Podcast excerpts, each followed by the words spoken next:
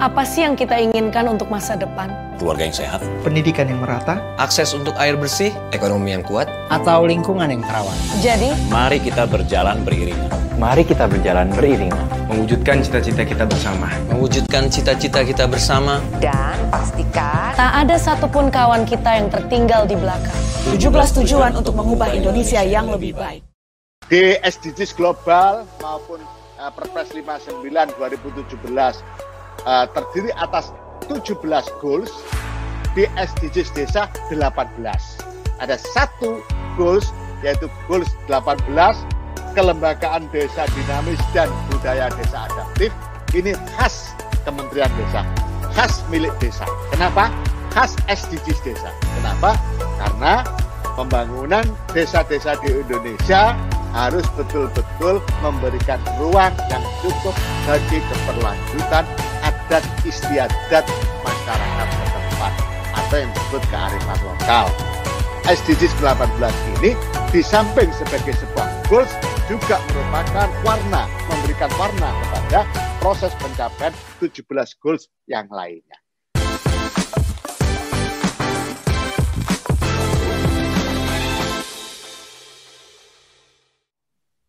Selamat pagi, salam bahagia kerabat desa Indonesia.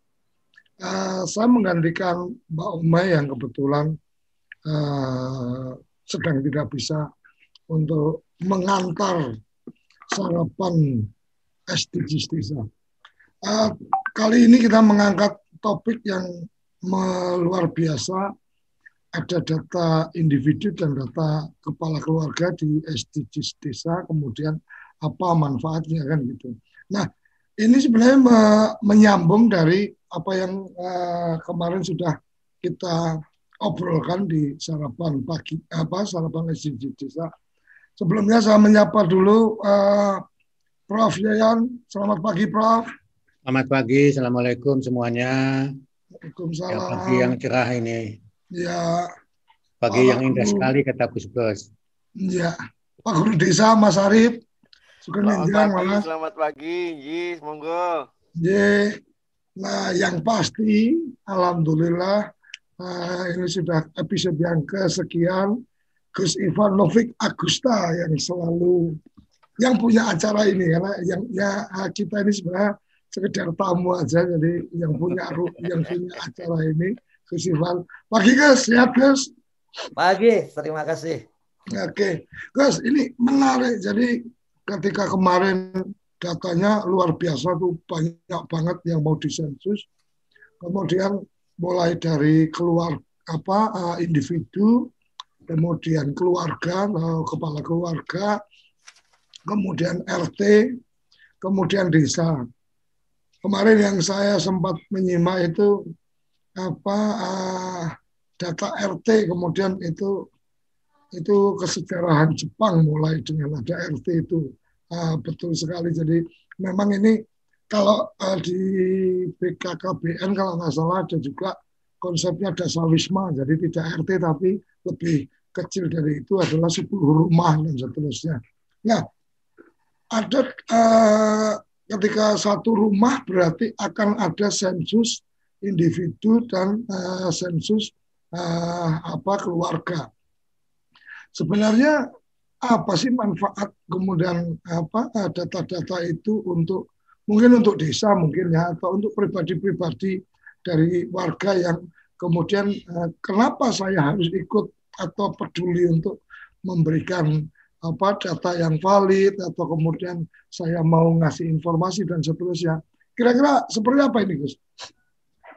Ya, saya kira ini apa namanya pertanyaan yang krusial ternyata yaitu apa namanya budaya untuk menggunakan data. Jadi hmm. ini ini pertanyaan yang krusial. Jadi tidak hanya untuk kerabat desa ya, tapi juga untuk pihak-pihak lain. Bahkan termasuk di dalam kementerian itu sendiri ya. Jadi hmm. para pendamping dan sebagainya. Ya. Apakah ini memang jadi sangat penting? Jadi beberapa kali begitu datanya itu perlu sustainable ya artinya perlu selalu mengupdate begitu nah di situlah mulai muncul sering kali datanya tidak terupdate lagi. Artinya kepedulian kita terhadap data itu menjadi tidak ada gitu. Nah, kenapa ini jadi penting? Ya memang yang pertama kita tidak ya sebagai manusia umumnya ini kita tidak pernah tahu kecuali kita punya data. Ya. Dan kemudian sekarang kita ketahui juga bahwa ternyata pengetahuan keputusan kita, ya, tindakan kita, ya, itu sepenuhnya berbasis data dan informasi yang terbatas, gitu. Data dan informasi yang terbatas. Nah, mengambil data dan informasi yang terbatas ini agak sedikit membahayakan. Karena itu kemudian kita membutuhkan yang namanya sensus ini. Ya. Jadi ada aspek kelangkaan data dan informasi yang kemudian mengambil keputusan kita ya termasuk yang sekarang kita ketahui kalau kita pakai medsos algoritmenya langsung merujuk kepada yang sering yang dianggap kita sukai gitu kan jadi semakin semakin menuju aspek-aspek yang terfokus ya tapi sebetulnya itu jadi membatasi kita ya. nah kita membutuhkan data yang lebih luas lagi dan kita sudah tahu dari dari dari kegiatan kita selama ini, Gus Koco ini, bahwa pertama kita harus punya harus punya minat terhadap data itu sendiri. Untuk apa? Makanya tadi minatnya akan ditumbuhkan dengan kegunaan. Ya. Yang kedua, kita juga harus siap-siap, Gus. Kalau nanti data sudah terkumpul, ya, jangan sampai kita nggak percaya dengan datanya. Nanti pengambilan keputusan kita jadi keliru lagi, gitu. Ya. Jadi jangan sampai kalau data sudah terkumpul terus kita nggak percaya gitu ya. Makanya kita harus harus ikuti proses untuk pengumpulan data dan kemudian updating data. Kalau di dalam undang-undang statistika, istilah pengumpulan data kalau datanya itu umum itu harus oleh BPS. Ya. Kalau datanya khusus dat, atau data sektoral, termasuk misalnya data desa, ya itu karena sektoral gitu, maka boleh oleh kementerian dan lembaga yang memang berkompeten. Dalam hal ini tentu saja antara lain Kementerian Desa dan desa itu sendiri. Makanya ketika desa mengumpulkan data tentang desanya itu tidak ada yang salah ya, tidak ada yang salah. Makanya selama ini ketika ada desa-desa yang kreatif mengumpulkan data tetap oke-oke saja gitu ya. Jadi pertanyaan minggu lalu apakah harus oleh BPS atau atau kita tergantung segmen datanya tadi. Ya. Nah kemudian bagaimana dengan data yang sifatnya individu? Ya. Tadi Gus Kocel sudah menyampaikan tentang RT gitu. Tapi salah satu keunggulan dari mengelola masyarakat itu memang melalui data. Jadi agak berbeda dengan individu ya mengelola masyarakat itu memang harus ada data yang sifatnya keseluruhan dari masyarakat itu. Ya. Bagaimana dengan desa-desa di Indonesia?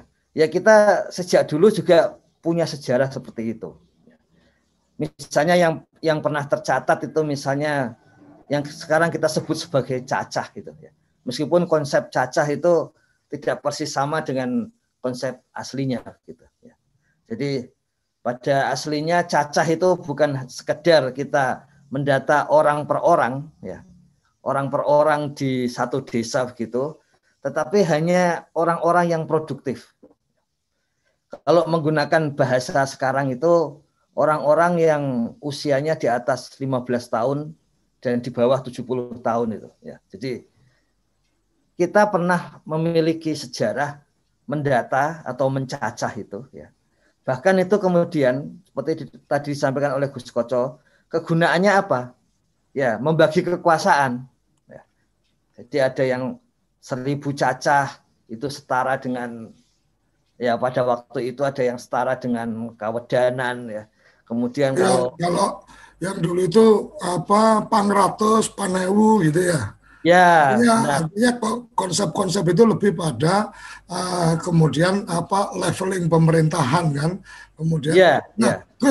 Uh, mohon maaf, tadi uh, kita kita pengen tahu sebenarnya lebih pada data apa uh, data individu dan data keluarga itu sebenarnya apa apa saja yang kemudian ada atau kemudian yang akan di, dilakukan pendalaman atau akan dilakukan pencatatan dan kemudian eh, supaya kerabat desa yang meng, yang mengikuti acara ini eh, jadi tahu bahwa kemudian ketika dia adalah warga biasa, maka dia merasa perlu untuk menyampaikan datanya dengan benar, bahkan mungkin aktif untuk memberikan informasi apa pada saat ada petugas atau pada saat diminta oleh apa teman-teman desa dan seterusnya. Jadi mungkin eh, saya lebih melihat apa eh, kita coba pengen tahu bahwa datanya apa saja sih secara individu, kemudian keluarga, sehingga kemudian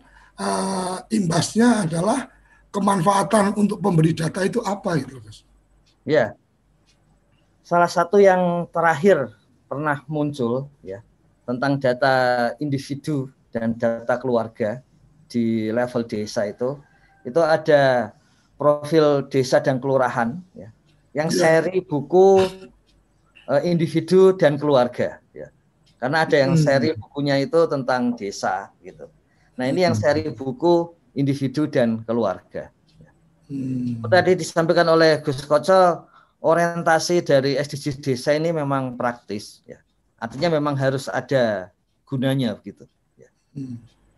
Yang jelas tahun lalu kita tahu gunanya itu terutama untuk golongan-golongan terbawah itu, ya. supaya hmm. pemberian berbagai bantuan sosial itu tidak salah arah. Ya. Kemudian hmm. tahun lalu Kementerian Desa itu mengumpulkan meskipun tidak seluruh desa ya. Yang beda dengan tahun ini ketika seluruh desa itu data anak-anak yang tidak sekolah ya. Keluarga dengan anak-anak yang tidak sekolah. Yang antara lain ya, contohnya yang sempat muncul di koran itu di Brebes itu ya.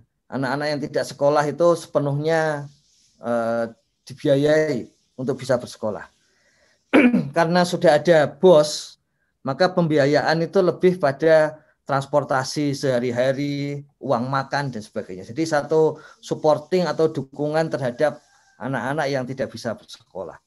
Data yang sama seperti apakah dia sudah menikah atau belum, kemudian apakah punya buku nikah dan itu kemudian digunakan untuk apa memperbaiki administrasi pernikahan itu ya yang itu ada gunanya nanti kalau warga itu atau keluarga itu membutuhkan dokumen pernikahan itu untuk misalnya suatu ketika dulu kita pernah harus ada seperti itu untuk masuk ke hotel dan sebagainya kalau ada perjalanan dinas gitu.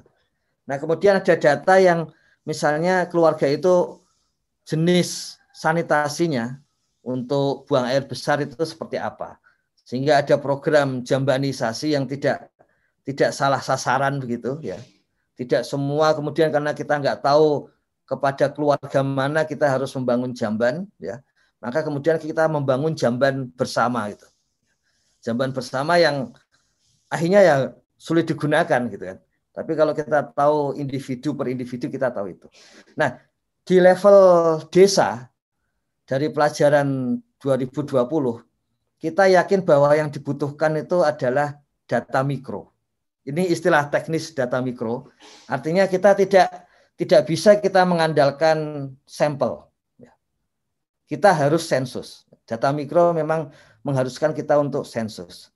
Dan data mikro itu agak agak berbeda dengan data makro bahwa di dalam sensus itu ada data by name by address. Kalau sekarang istilahnya BNBA seperti itu, by name by address.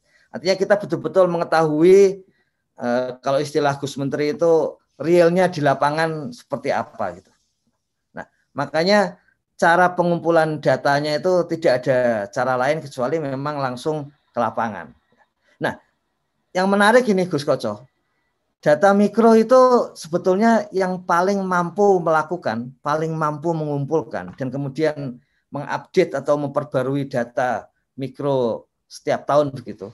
Yang paling mampu itu justru desa. Jadi yang paling mampu desa. Kenapa bisa desa? Jelas bahwa warganya itu ada di desa. Ya.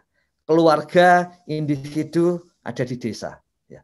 Dan kemudian yang kedua kita pelajari dari tahun 2020, kalau itu dilakukan di level desa, apalagi di level RT, apalagi tadi Gus Koco menyampaikan dasa wisma, mengumpulkan data 10 kepala keluarga ya dengan rata-rata orang katakanlah 4 berarti 40 orang itu jauh lebih mudah ya daripada kita mengumpulkan data 200 ribu orang di dalam satu kabupaten gitu ya. Jadi kalau 200 ribu orang kemudian terasa sulit maka harus menggunakan konsultan kemudian di apa namanya tenderkan dan sebagainya. Tapi begitu desa 40 orang di dalam 10 keluarga ya. Atau kalau sekarang bisa saja lebih dari itu, itu jauh lebih mudah. Nah, ada memang memang satu apa namanya keraguan-raguan apakah desa bisa melakukan hal itu? Ya. dengan sumber daya eh, sumber daya manusia yang terbatas. Selalu alasannya begitu. Realnya realnya ya. Kita sampai ke katakanlah di Sumba Timur di Nusa Tenggara uh, Timur itu ya. Ketika masuk ke desa ya. Itu ternyata di sana ada warga desa juga yang selama ini memang mendapatkan proyek untuk pengumpulan data, baik itu dari dari eh, BPS, dari lembaga-lembaga survei dan sebagainya. Jadi sepertinya sebetulnya di lapangan itu tidak tidak sulit-sulit amat bahwa ada yang sudah pengalaman juga untuk itu. Ternyata begitu ya. Dan kemudian akhirnya bedanya yang terakhir ini bedanya data SDGs desa yang sifatnya itu partisipatory sensus ya. Kenapa disebut participatory sensus ya? Karena asumsinya validitas.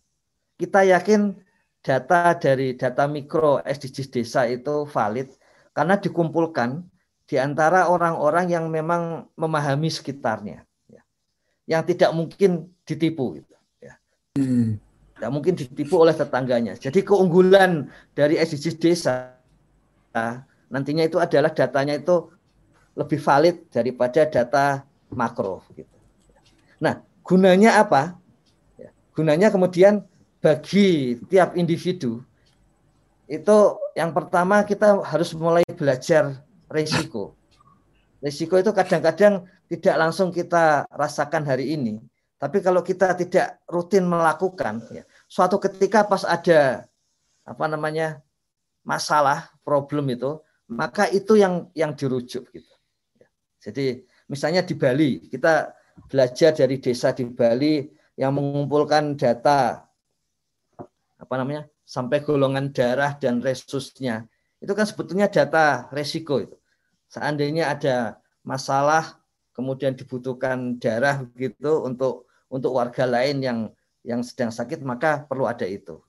Nah, data di dalam SDGs desa tentu saja itu berkaitan dengan 18 tujuan SDG desa. Dan khusus untuk khusus untuk uh, warga desa dan kemudian khusus untuk keluarga desa itu adalah ada pada SDGs desa yang bagian atau core kewargaan. Jadi soal kemiskinan SDGs desa nomor satu, kemudian soal kelaparan, makanan dan sebagainya, konsumsi SDGs desa nomor dua, kemudian soal kesehatan SDGs desa nomor tiga, kemudian soal uh, pendidikan, ya, kemudian soal uh, tentang uh, partisipasi dari perempuan, ya, serta air minum dan sanitasi nomor enam. Nah, di luar itu, ya, di luar itu adalah apa yang dilakukan oleh warga dan keluarga, ya, terhadap lingkungannya. Misalnya dia melanggan listrik pada kilowatt berapa ya. Dia apakah melakukan upaya untuk menjaga supaya tidak ada erosi atau abrasi di laut atau di sungai, erosi yang ada di gunung, apakah menanam reboisasi, apakah dia ikut di dalam gotong royong SDGs desa yang ke-18, apakah dia ikut kalau ada masalah perkelahian dan sebagainya ikut ikut pula dalam rangka untuk melerai seperti itu. Nah, itu seperti itu, Pak. Nah, gunanya apa? Ini supaya kalau ada masalah, kalau ada masalah nih yang pertama, ya. itu segera diselesaikan sampai ke akarnya, sampai ke siapa orangnya, ke siapa keluarganya. Yang kedua, kalau ada potensi ya. Jadi kalau guyonannya di kantor itu jangan hanya siap-siap untuk miskin atau terpuruk gitu. Tapi kita juga harus siap-siap untuk kaya dan sukses dan sebagainya gitu ya. Karena kadang-kadang kalau kita nggak siap untuk sukses, begitu ada potensi hilang juga gitu. Nah, kita sambil melihat juga potensi yang ada di desa kita. Misalnya di dalam eh, apa namanya itu kuesioner individu itu itu ada pendapatan yang sangat-sangat luas. Pendapatannya dari berbagai sumber. Nah, dari situ hmm. kemudian kita bisa mengetahui potensinya antara lain. Dan kemudian kita juga bisa mengetahui yaitu kegunaannya untuk apa. Misalnya Amartya Sen itu sempat mengkritik ya, ya mengkritik karena berbasis data, mengkritik bahwa kalau kita ingin memberdayakan masyarakat ya, kalau kita di sini kan istilahnya ya kita jangan memberi jangan memberi ikan tapi memberi kail. Memberdayakan masyarakat dengan meningkatkan akses ya, memberi memberi kail ya. Tapi menurut menurut Amartya Sen ya dari dari studinya itu, itu studinya di seluruh dunia itu menunjukkan bahwa ketika kita berikan lembaga ya atau fasilitas supaya aksesnya ada, masih ada satu langkah lagi yang dibutuhkan. Bagaimana supaya masyarakat itu bisa sampai kepada akses. Ya. Jadi bagaimana supaya masyarakat itu bisa sampai kepada fasilitas. Boleh saja kita menyiapkan ada posyandu, ya. Tapi masih perlu satu langkah lagi. Bagaimana supaya posyandu itu dimanfaatkan oleh masyarakat? Atau dengan cara lain, bagaimana supaya masyarakat itu lebih mudah mencapai posyandu. Nah, itu antara lain yang ada di dalam SDGs desa. Kalau orang ekonomi mungkin dengan mudah mengatakan memberikan akses itu memberikan fasilitas atau supply. Ya. Nah, yang penting bagi kerabat desa tidak hanya ada suplainya, tapi demandnya gitu. Ya, demandnya. Makanya kemarin sempat kami sampaikan kita membangun posyandu sampai ke puskesmas, kenyataannya warga desa ketika sakit itu pertama kali mereka datang itu ke apotek garis miring toko obat. Hmm. Memberdayakan warung di desa yang menyediakan obat itu saat ini sebetulnya dari sisi data jauh lebih penting untuk menjaga kesehatan masyarakat. Karena pertama kali mereka akan ke sana. Itu itu adalah demand paling besar yang saat ini kelihatan. Nah itu baru bisa muncul dari SDGs desa, Gus Koco itu. Misalnya itu dari sisi kesehatan. Nah, uh, terus mungkin uh, uh, uh, bisa ditayangkan ulang data-data apa saja sih yang kemudian uh, itu menjadi apa menjadi daftar pertanyaan atau data-data uh, yang akan digali di level uh, individu dan keluarga. Ya, siap. Jadi pertama kita selalu ada nama dan alamat serta nomor HP. Hmm. Mengapa ada nomor telepon ya? Ya karena pertama desa digital sudah menjadi kewajiban di tahun 2021 ini. Bahkan digitalisasi diharapkan pada level RT ya. Jadi jangan sampai ada RT lain yang bisa tersapu 3G dan 4G, tapi ada RT yang tidak dapat sinyal. Nah, jangan seperti itu, tapi semua RT. Ya. Kemudian untuk keluarga biasa itu ada alamat RT RW dan sebagainya, nomor HP dan nomor telepon kabel. Ya. Mengapa nomor telepon kabel atau rumah ini penting? Ya. Karena di level nasional, di level nasional pembagian antara urban dan rural, pembagian antara perdesaan dan perkotaan, itu salah satu indikatornya adalah apakah ada yang melanggan telepon kabel. Ya. Ini satu indikator yang boleh dikatakan kuno untuk saat ini ya, karena sudah nggak lazim kita punya punya telepon kabel, tapi itu masih digunakan. Ya. Kemudian nomor KK dan NIK. Mengapa kita perlu KK dan NIK? Itu indikator yang paling mudah ya. Meskipun SDGs desa itu tetap akan dijalankan, diambil, meskipun ada warga yang tidak punya nomor KK dan NIK. Ya. Justru, justru itu yang akan menjadikan apa panduan bagi desa dan pemerintah secara umum untuk ada kegiatan uh, pemberian KK dan NIK. Ya. Jadi kita ketahui dari Menteri Dalam Negeri tahun tahun lalu dan tahun sebelumnya bahwa memang masih ada warga kita yang belum punya NIK. Dan pengalaman dari BLT Dana Desa, begitu KPK membolehkan untuk desa itu bahwa penerima BLT Dana Desa, meskipun tidak punya NIK, tapi dia punya alamat jelas. Alamat jelas itu berarti RT, RW, desa, jelas gitu. Maka dia boleh mendapatkan bansos. Dan bantuan BLT dana desa kemudian meningkat ya. Karena ada memang warga-warga yang belum punya KK dan NIK ya. Ada ada misalnya kasus di Madura, kemudian kasus di di NTT seperti itu. Kemudian soal permukiman, permukiman dari DTKS. Ya. Jadi permukiman itu bagian dari indikator DTKS. Tidak semuanya akan dipakai oleh DTKS, tapi ini bagian yang penting. Dan kita ketahui ternyata desa itu juga memiliki kegiatan-kegiatan rutilahu atau RTLH, rumah tidak layak huni yang kemudian dibangun. Bahkan untuk tahun 2021 saja, yang ini nanti akan dikoreksi oleh Gus Menteri, sudah ada apa gubernur dan dan bupati yang mewajibkan dana desa untuk memperbaiki RTLH ya. sesuatu yang yang apa namanya tidak tidak boleh diwajibkan karena belum tentu menjadi kebutuhan ya. Tapi kalau SDG desa menunjukkan memang ada rumah kumuh ya maka itu akan ditunjukkan. Jadi di sini ada ada jenis rumahnya ya. Harap kita ketahui ini Gus Koco menggunakan permukiman ini cocok untuk keluarga. Ya. Tapi kalau ada gelandangan di desa, ya, atau orang-orang yang tidak punya tidak punya rumah, ini ini tetap kita harus tulis gitu.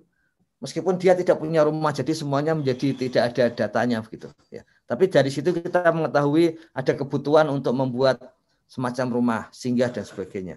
Jadi status lahan kemudian biasa lantai, dinding, jendela dari bawah sampai ke atas gitu. Kemudian penerangan ya. Kemudian energi untuk memasak. Nah, kita perlu tahu ini Gus Koco bahwa untuk penerangan itu yang yang dituju oleh pemerintah jelas listrik gitu. Ya.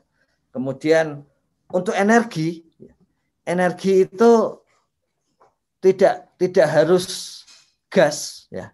Tapi boleh juga menggunakan energi yang lain ya energi yang lain terutama yang bersifat biogas dan sebagainya. Kemudian tempat pembuangan sampah ya. kita perlu pahami bahwa tempat pembuangan sampah itu memastikan sebetulnya memastikan supaya sampah-sampah yang bisa recycling itu tetap bisa dilakukan ya. Nanti bisa digunakan lagi. Tapi yang tidak recycling itu memang harus dikumpulkan ya. Ini ini aspek pentingnya di situ. Karena ini berkaitan dengan sustainability, berkaitan dengan lingkungan desa di masa datang. MCK jelas itu, kemudian air minum, kemudian kondisi rumahnya apakah di bawah jaringan tegangan tinggi, apakah di bantaran sungai dan di lereng bukit karena kita perlu mendata rumah-rumah yang ada di bantaran sungai dan lereng bukit yang sudah pasti punya risiko yang paling banyak di desa-desa di Indonesia ya. Jadi desa-desa di Indonesia terutama dimulai di bulan November sampai di bulan Februari itu bantaran sungai di lereng bukit ini kemungkinan longsor yang satu kemungkinan banjir apalagi air bah itu menjadi penting.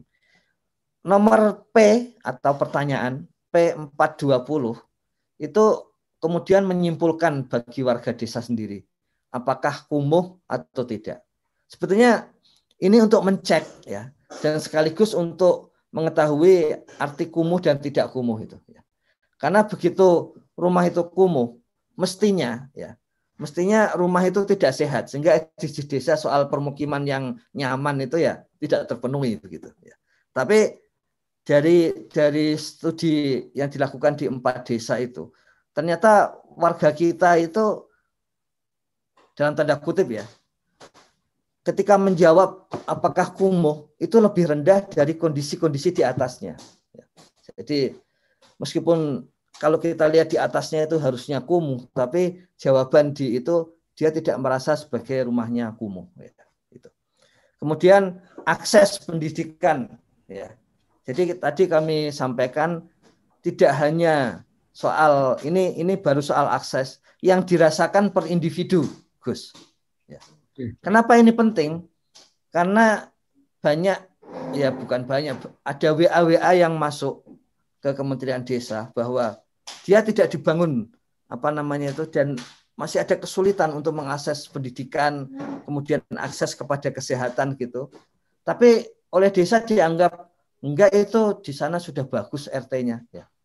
Ada kalanya ada warga yang yang tinggal di RT-nya sendiri agak terpencil gitu di beberapa di beberapa desa terutama di Nusa Tenggara Timur dan Maluku ya itu bahkan RT dan RW itu ada di pulau yang terpisah gitu, ya.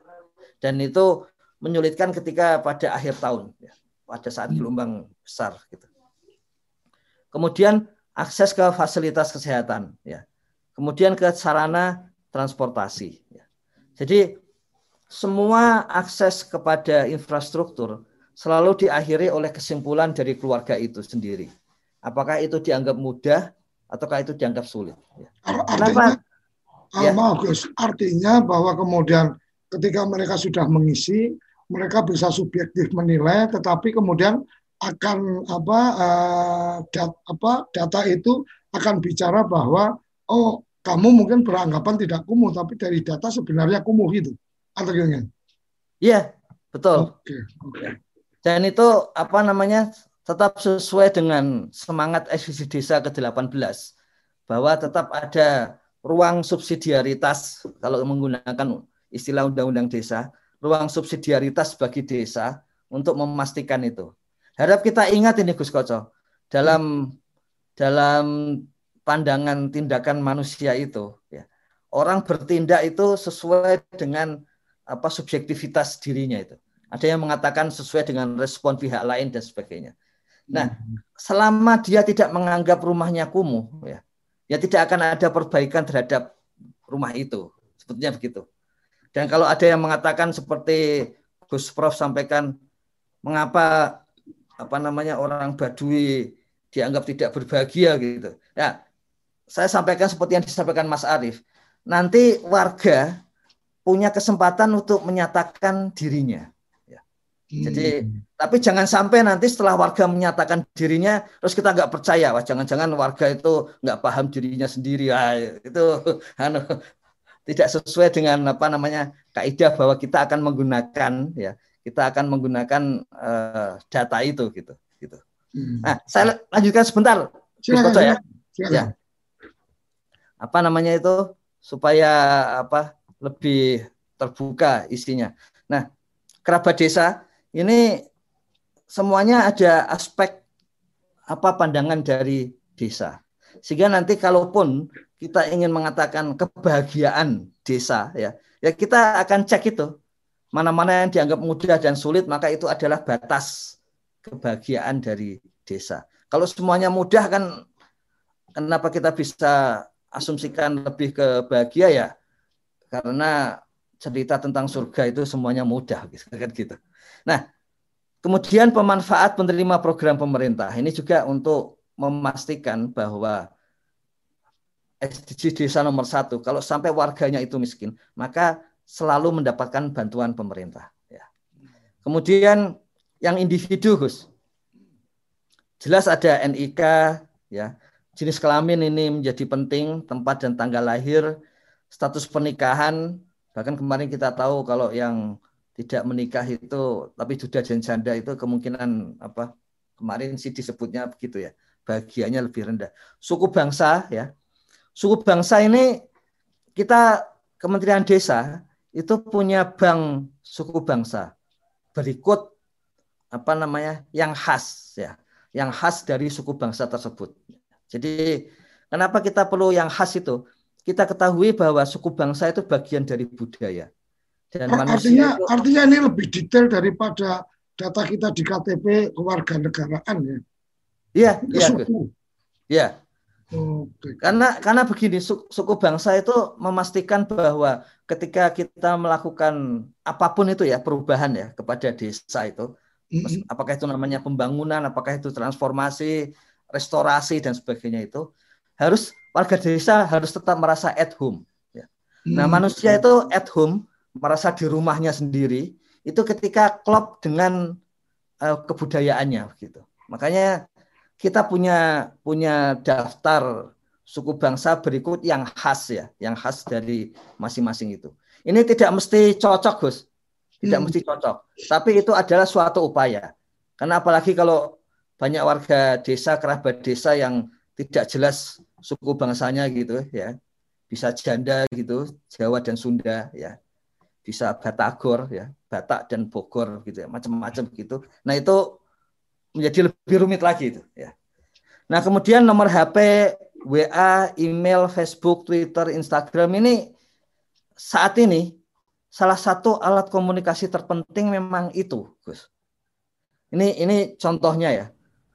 Bahwa banyak kuesioner itu di tahun-tahun 90-an, 2000-an awal itu tidak mencantumkan nomor HP. Ya karena memang tidak ada pada saat itu. Tapi saat ini kita butuh itu. Dan ini apa sih pentingnya?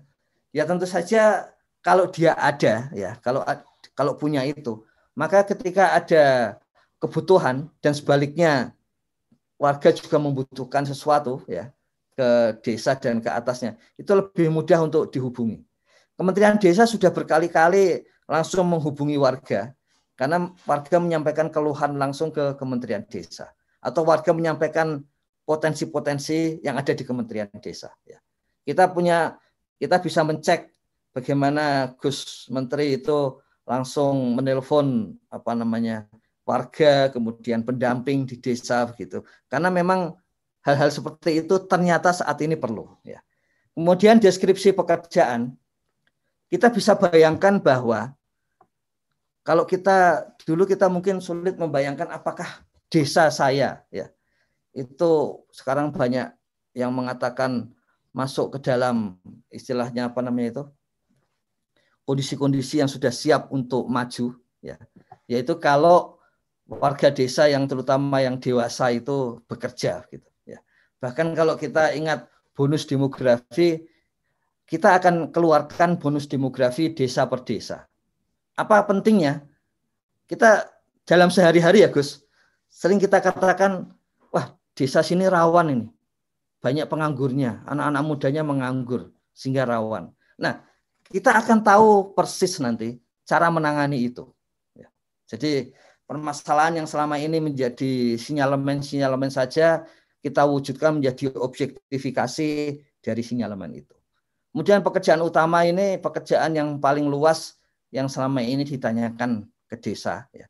Kemudian jaminan sosial ini saat ini kita tahu paling tidak sejak presiden kita yang sekarang ini Pak Jokowi ini kan memang jaminan sosial diperluas gitu. Ya. Dan memang itu dari berbagai survei itu yang paling banyak mendapatkan keuntungan, manfaat. Itu memang golongan bawah. Di survei di desa-desa empat desa itu Gus itu ternyata jaminan eh, ketenaga kerjaan itu memang kecil untuk golongan miskin. Tapi jaminan sosial kesehatan lebih banyak persentasenya golongan miskin daripada yang tidak miskin. Jadi artinya memang sekarang kita tahu eh, profil jaminan eh, sosial kita gitu. Nah ini yang menarik Gus penghasilan kita masih mengikuti Profesor Sayogyo dan Profesor Mubiarto ya bahwa di desa itu antara konsumsi dan produksi itu mungkin tidak bisa langsung dipisahkan ya. Jadi misalnya rumah dianggap konsumsi, tapi apa menganyam dan sebagainya itu dilakukan di rumah juga. Jadi antara konsumsi dan produksi masih digabung. Dan itulah sebabnya di sini penghasilannya itu sekaligus kan penghasilan itu kan produksi, tapi sekaligus juga konsumsi dan sekaligus juga kita akan mengetahui bagaimana produksi dari beberapa komoditas yang penting itu dari tahun ke tahun gitu. Jadi kita belajar dari profil desa dan kelurahan yang sangat detail itu, tapi pertanyaannya dipisah-pisah. Nah sekarang satu pertanyaan untuk langsung bisa menceritakan informasi semuanya. Jadi ada pengalaman ini Gus. Ada menteri yang menyampaikan kepada Gus Menteri, saya bisa mengetahui jumlah pohon kelapa di di desa. Gitu. Nah, desa lima bulan lagi akan bisa menjawab itu sendiri. Ya. Nah ini ini jadi penting Gus. Kenapa penting? Karena penghasilan dari warga desa setahun ya ditambah dengan APBDes pendapatan itu ya. Dan kalau ada tambahan pengetahuan tentang swasta yang ada di desa, itu dalam tanda kutip itu PDB desa, Gus. Itu PDB desa. Jadi itu cara desa untuk mengetahui apakah desanya ya, secara keseluruhan desanya siap untuk maju atau tidak. Oke. Jadi semua yang tadinya abstrak hanya bisa nasional, sekarang desa sendiri bisa yakin sebetulnya saat ini saya seperti ini, tapi saya punya potensi untuk maju. Nah itu datanya diambil dari sini. Apakah itu ada gunanya? Ada, karena kita sudah cek di empat desa itu yang kita sensus orang per orang itu, kita sudah mengetahui PDB desa. Begitu. Ini banyak Gus, karena karena sudah kita sudah belajar dari profil desa dan kelurahan itu yang memang hmm. apa namanya sangat sangat lengkap dan kita gunakan yang memang uh, terisi selama ini ya. Nah, kemudian kesehatan ya. Kita tanyakan setahun terakhir sakit apa? Ini Gus yang menarik Gus. 401 dengan 402.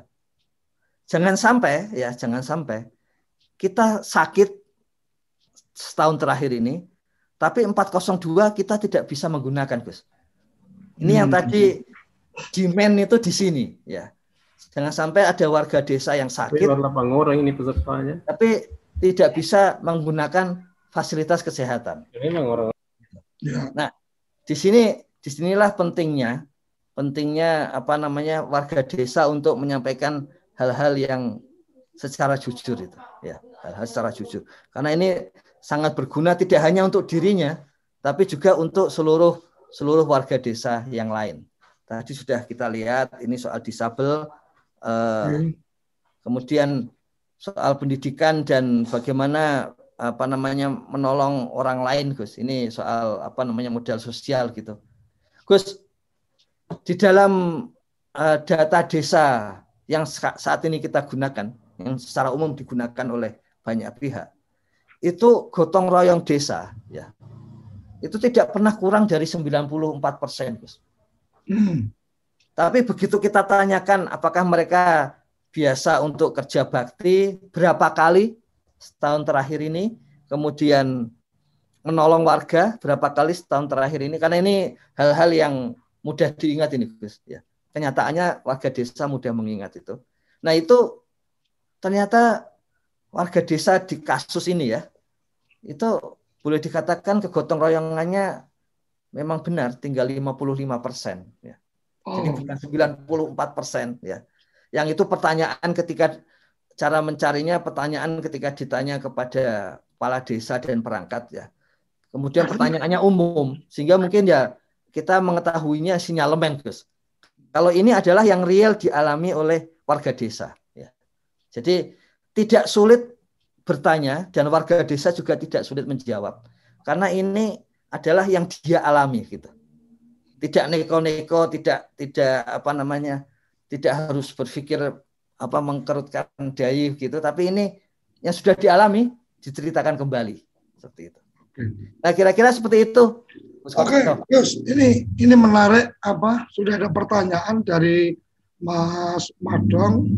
Kemudian uh, saya juga ada pertanyaan menyangkut uh, data ini kan memang juga ada apa uh, pihak kementerian lain juga memang menangani data ini dan seterusnya. Tapi uh, kerabat desa jangan ke mana-mana kita akan apa sampaikan beberapa pertanyaan ke Gus Ivan uh, setelah yang satu ini. Tetap di sarapan SDGs desa. Kamu tinggal di pulau terpencil, pegunungan pinggiran kota, atau daerah di Indonesia yang tidak terjangkau jaringan fiber, ADSL, dan juga 3G. Internetan dengan cepat pasti cuma akan menjadi mimpi. Mau pakai tol langit, pakai desa wifi, kunjungi www.desawifi.id. SSFF 2020 by TV Desa dan Rumah Film Avandi.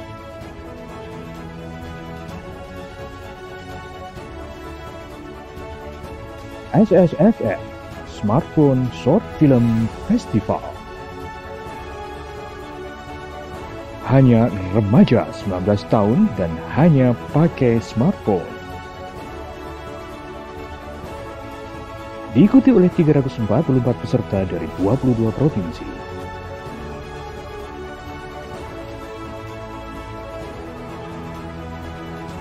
Ikuti info lengkap di www.ssff.tvdesa.id.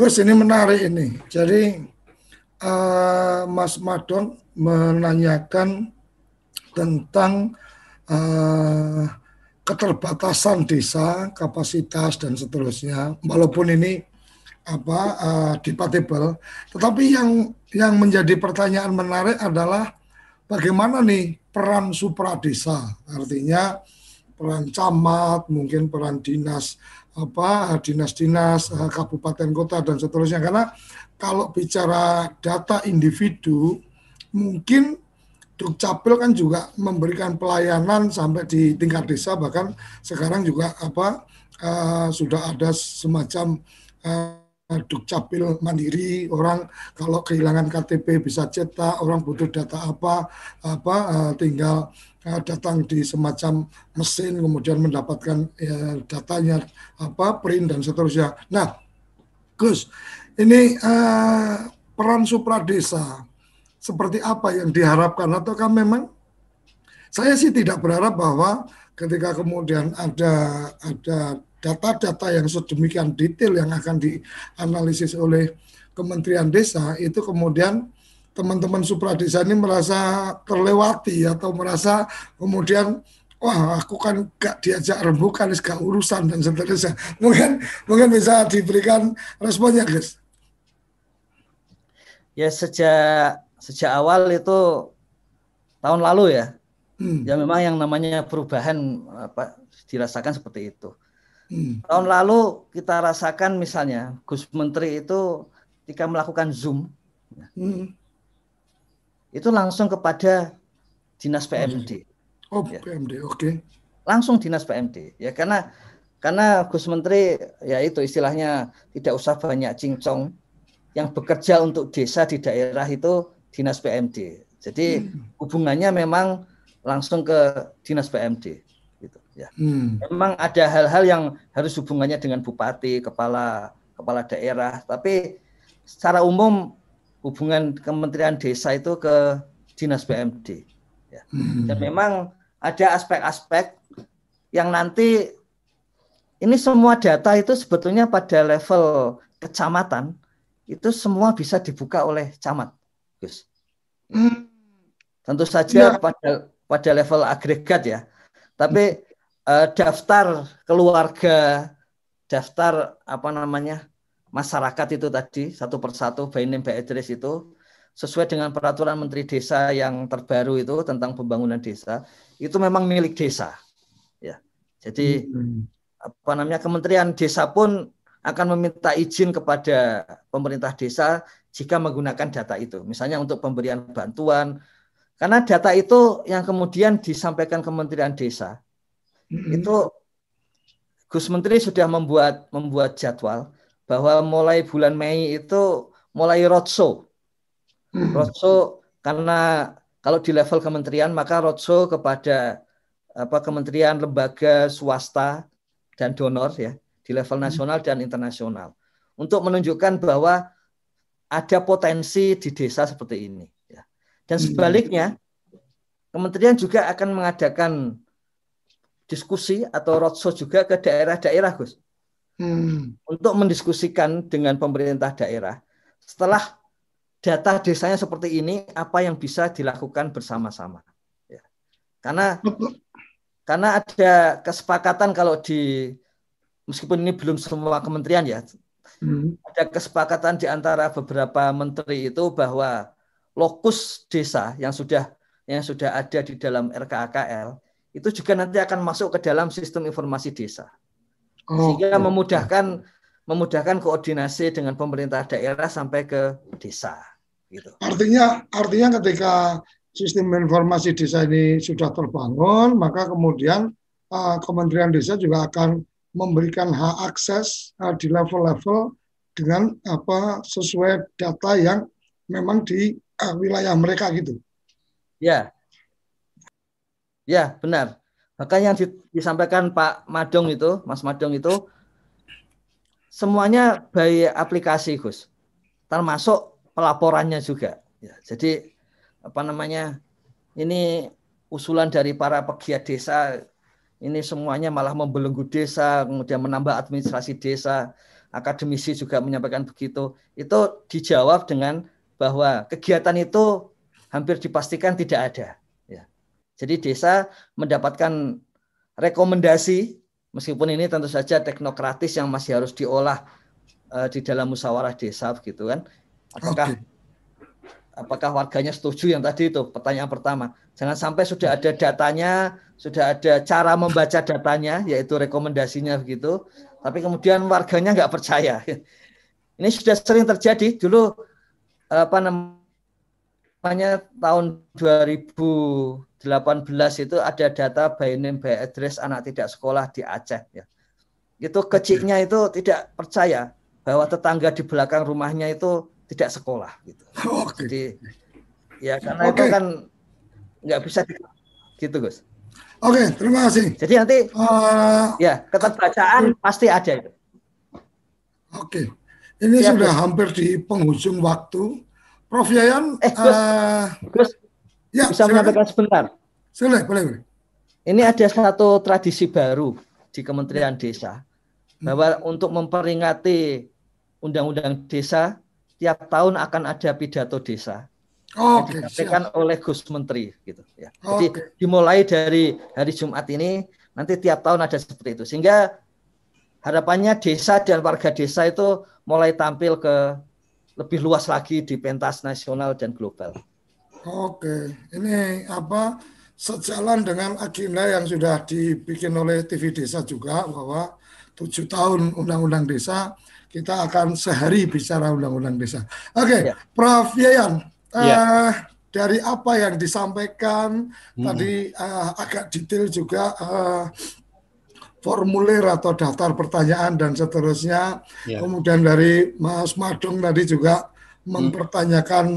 Peran dari supradesa dan seterusnya. Ya. Prof, Prof. Yoyan melihat ada ya. fenomena baru apa ini? Baik, yang pertama literasi data itu sekarang penting. Oke. Okay. Tidak hanya apa namanya uh, harus merubah kebiasaan siapa pun, terutama para pejabat, termasuk di desa, pejabat desa, kecamatan dan sebagainya. Kalau menyampaikan ke publik itu harus ada datanya. Ya. Hmm. Jadi tidak bisa tidak sekarang tanpa data. Ya untuk menghindari uh, mispersepsi eh, hal-hal lain yang negatif. Oleh karena itu tadi oleh Gus Ipan dijelaskan ada datanya bisa memanfaatkannya dipakai untuk mengambil keputusan dan sebagainya dan sebagainya. Ini yang disebut dengan literasi data, siapa pun sekarang. Nah, masyarakat kita itu tidak terdidik kalau menyampaikan ke publik itu tidak disertai data. Ini yang harus dirubah. Jadi harus ada datanya. Nah, maka di sini tadi eh, eh, data itu kan sifatnya kan open ya, terbuka data itu sekarang. Tidak ada lagi data yang ditutup-tutupi, semua terbuka. Karena konsep revolusi industri 4 kan open data ya, ya open data. Hmm. Jadi memang terbuka. Nah, dan kemudian dari situ otomatis ya eh, tingkat di atas desa harus ngikuti gitu loh. Bukan bukan eh, bukan diberitahu tapi harus ngikuti dengan perkembangan perkembangan yang terjadi itu. Itu yang kedua dalam arti dalam konteks ini artinya ada cara-cara baru eh, membangun desa itu ya dengan berbasis data. Nah, kalau saya mengatakan data tadi itu isinya ya tadi dijelaskan oleh Gus Ipan itu banyak sekali. Sudah sudah satu komprehensif. Itu yang pertama. Yang kedua, idealnya memang eh, data nasional itu satu tangan. Yang tadi Pak Ipan mengatakan oleh BPS, ya. Hmm. yang sektoral oleh kementerian-kementerian. Tapi jaminan bahwa data satu data BPS itu eh, komprehensif enggak untuk semua kementerian. Nah, minimal BPS itu uh, punya data ya 17 SDGs tadi itu dengan indikator-indikator yang sudah dikembangkan. Ya. Karena apa? Karena SDG itu kan uh, lintas sektoral sebetulnya. Penanganan itu lintas sektoral. Sehingga datanya harus uh, bersama-sama. Adapun kemudian Kementerian Desa memiliki memiliki data SDGs ini dengan lengkap, ya harapannya dipakai juga oleh institusi lain yang tidak perlu mencari data sendiri-sendiri. Itu idealnya kan begitu. Nah, oleh karena itu eh, apa saya kira Pak Ipan paham betul itu. Tadi literasi data, ya kemudian big oh, ya, eh, yang kedua yang, yang ketiga eh, open data, yang ketiga itu big data. Pak Ipan ini kan bagian dari membangun big data untuk kepentingan pembangunan berbasis desa. Nah, big data ini eh, eh, sangat dipentingkan oleh semua instansi Nah kebetulan uh, Kementerian Desa ini uh, datanya data primer, tapi nanti akan menjadi masuk ke big data itu kan bisa dipakai oleh siapa pun, termasuk oleh desa. Nah oleh karena itu, itulah strategi pentingnya satu literasi data, dua open data, tiga big data. Ya. Sehingga uh, tindakan-tindakan, program-program, kebijakan-kebijakan semua itu berbasis data tadi. Itu harapannya segera begitu. Nah, saya ingin memberikan apresiasi kepada timnya Pak Ipan dan kawan-kawan di kementerian. Itu kalau kita cermati 17, 18 item itu, ya masing-masing masing-masing item itu ada ada 5 lebih 10 sampai 15 indikator. Dengan tadi tabel-tabel itu itu data yang sangat luar biasa. Sehingga mungkin nanti olahannya, sajiannya secara praktis bisa dibaca dengan memudahkan, ya, mudah dibaca oleh para pengguna bukan oleh ahli statistik tapi oleh pengguna yang awam-awam tadi itu. Karena kan di desa uh, memang begitu. Ini sangat penting di situ Pak Koco dan kalau ini berhasil kira membangun data ya yang bisa tadi orang itu literate dengan data terbuka, big data dan sebagainya dan sebagainya. Ya. Dan perangkat IT sudah memungkinkan untuk itu. Itu komentar saya Pak Koco bagus sekali ya. Dan mudah-mudahan uh, pemahaman tentang data ini sedikit-sedikit akan berubah. Berubah menjadi baik lah, menjadi baik. Kementerian, provinsi, kabupaten. Ya, karena berubah bisa menjadi baik, menjadi buruk ya. Sama-sama buruk. Bisa. Nah, iya. Dan kita tidak inginkan berubahnya jadi negatif itu lah. Nah, perubahannya itu harusnya menjadi negatif ya. Maka okay. konsepnya membangun desa itu kan harus positif ya. Ya. Itu teorinya Bung uh, Pak Ipan itu ya silakan desa berubah tapi harus positif jangan negatif. Dan pelopor kedesaan ini jadi sangat luar biasa. Nah, Pak Koco, TV desa, akademi desa dan macam-macam itu kan eh, apa namanya satu tahapan lanjut ya kepada ya. masyarakat untuk memahamkan soal data-data tadi itu. Seperti ya. pagi ini saya kira sangat bagus sekali ini. Ya bagaimana desa. Nah termasuk tadi PSM, pendamping, perguruan tinggi, uh, Pertides macam-macam itu uh, harus berbasis data yang dikembangkan oleh kementerian sehingga tidak ada uh, masalah yang yang yang tidak berguna ya semua menjadi berguna Okay. Sekali lagi apresiasi saya terhadap timnya Pak Ipan, Pak Menteri, ya dan jangan lupa kalau uh, validasi empirik di lapangan itu ya ya penasihatnya ikutlah sekali dua kali lah gitu gitu. gitu. Oke oke oke terima kasih lapangan dan Makasih, makasih. Oke, terima ya, kasih Prof. Yayan. Jadi mas. Uh, sarapan SDGs desa kita tiap pagi Senin sampai uh, sampai Jumat jam 6 sampai jam 7 pagi. Ini sudah sampai jam di jam 7 pagi tapi saya apa harus menyapa yang sudah hadir ini di penghujung ini. Uh, Prof Yudan, selamat pagi Prof. Terima kasih berkenan rawuh ini dari Dukcapil. Selamat pagi, Salam selamat Pak Judan. Mas Rio Kacau, Prof Yoyon. Salam kenal Pak Judan, Pak Yoyon, Gi. Gi, Prof. Prof, uh, Prof, mohon maaf ini uh, di Zoom meeting masih akan berlangsung, tapi uh, kita akan close dulu acara kita dan setelah ini saya pengen uh, kita ada diskusi kecil ini uh, Kapus Datin Kemendes yang apa uh, sedang getol bicara tentang data desa dan seterusnya, saya kepikir ini harus ketemu sama Prof. Yayan ini apa Prof. Yudan untuk kemudian apa mensinergikan, jadi kerjanya jadi akan lebih enteng. Uh, yang ada di Zoom meeting saya berharap masih tetap stay untuk kerabat desa yang menyaksikan siaran ini melalui satelit ABS 2A uh, kita sudah bermigrasi dalam jaringan desa uh, desa Vision bisa disaksikan juga melalui aplikasi Genflix Live TV. Uh, kita cukupkan sampai di sini kita akan ketemu lagi besok pukul 6 sampai pukul 7 pagi. Jadi setiap Senin sampai Jumat ini terinspirasi dari Prof Yudan Senin sampai Jumat. Jadi Senin sampai Jumat jam 6 sampai jam 7 sarapan SDGs desa. Sampai uh, sampai bertemu uh, esok hari. Salam bahagia kerabat desa Indonesia. Apa sih yang kita inginkan untuk masa depan? Keluarga yang sehat, pendidikan yang merata, akses untuk air bersih, ekonomi yang kuat, atau lingkungan yang terawat. Jadi, mari kita berjalan beriringan. Mari kita berjalan beriringan. Mewujudkan cita-cita kita bersama. Mewujudkan cita-cita kita bersama. Dan pastikan tak ada satupun kawan kita yang tertinggal di belakang. 17 tujuan untuk mengubah Indonesia yang lebih baik. Di SDGs global maupun uh, Perpres 59 2017 uh, terdiri atas 17 goals di SDGs desa 18. Ada satu goals yaitu goals 18 kelembagaan desa dinamis dan budaya desa adaptif ini khas Kementerian Desa, khas milik desa. Kenapa? Khas SDGs desa. Kenapa? Karena pembangunan desa-desa di Indonesia harus betul-betul memberikan ruang yang cukup bagi keberlanjutan adat istiadat masyarakat setempat atau yang disebut kearifan lokal.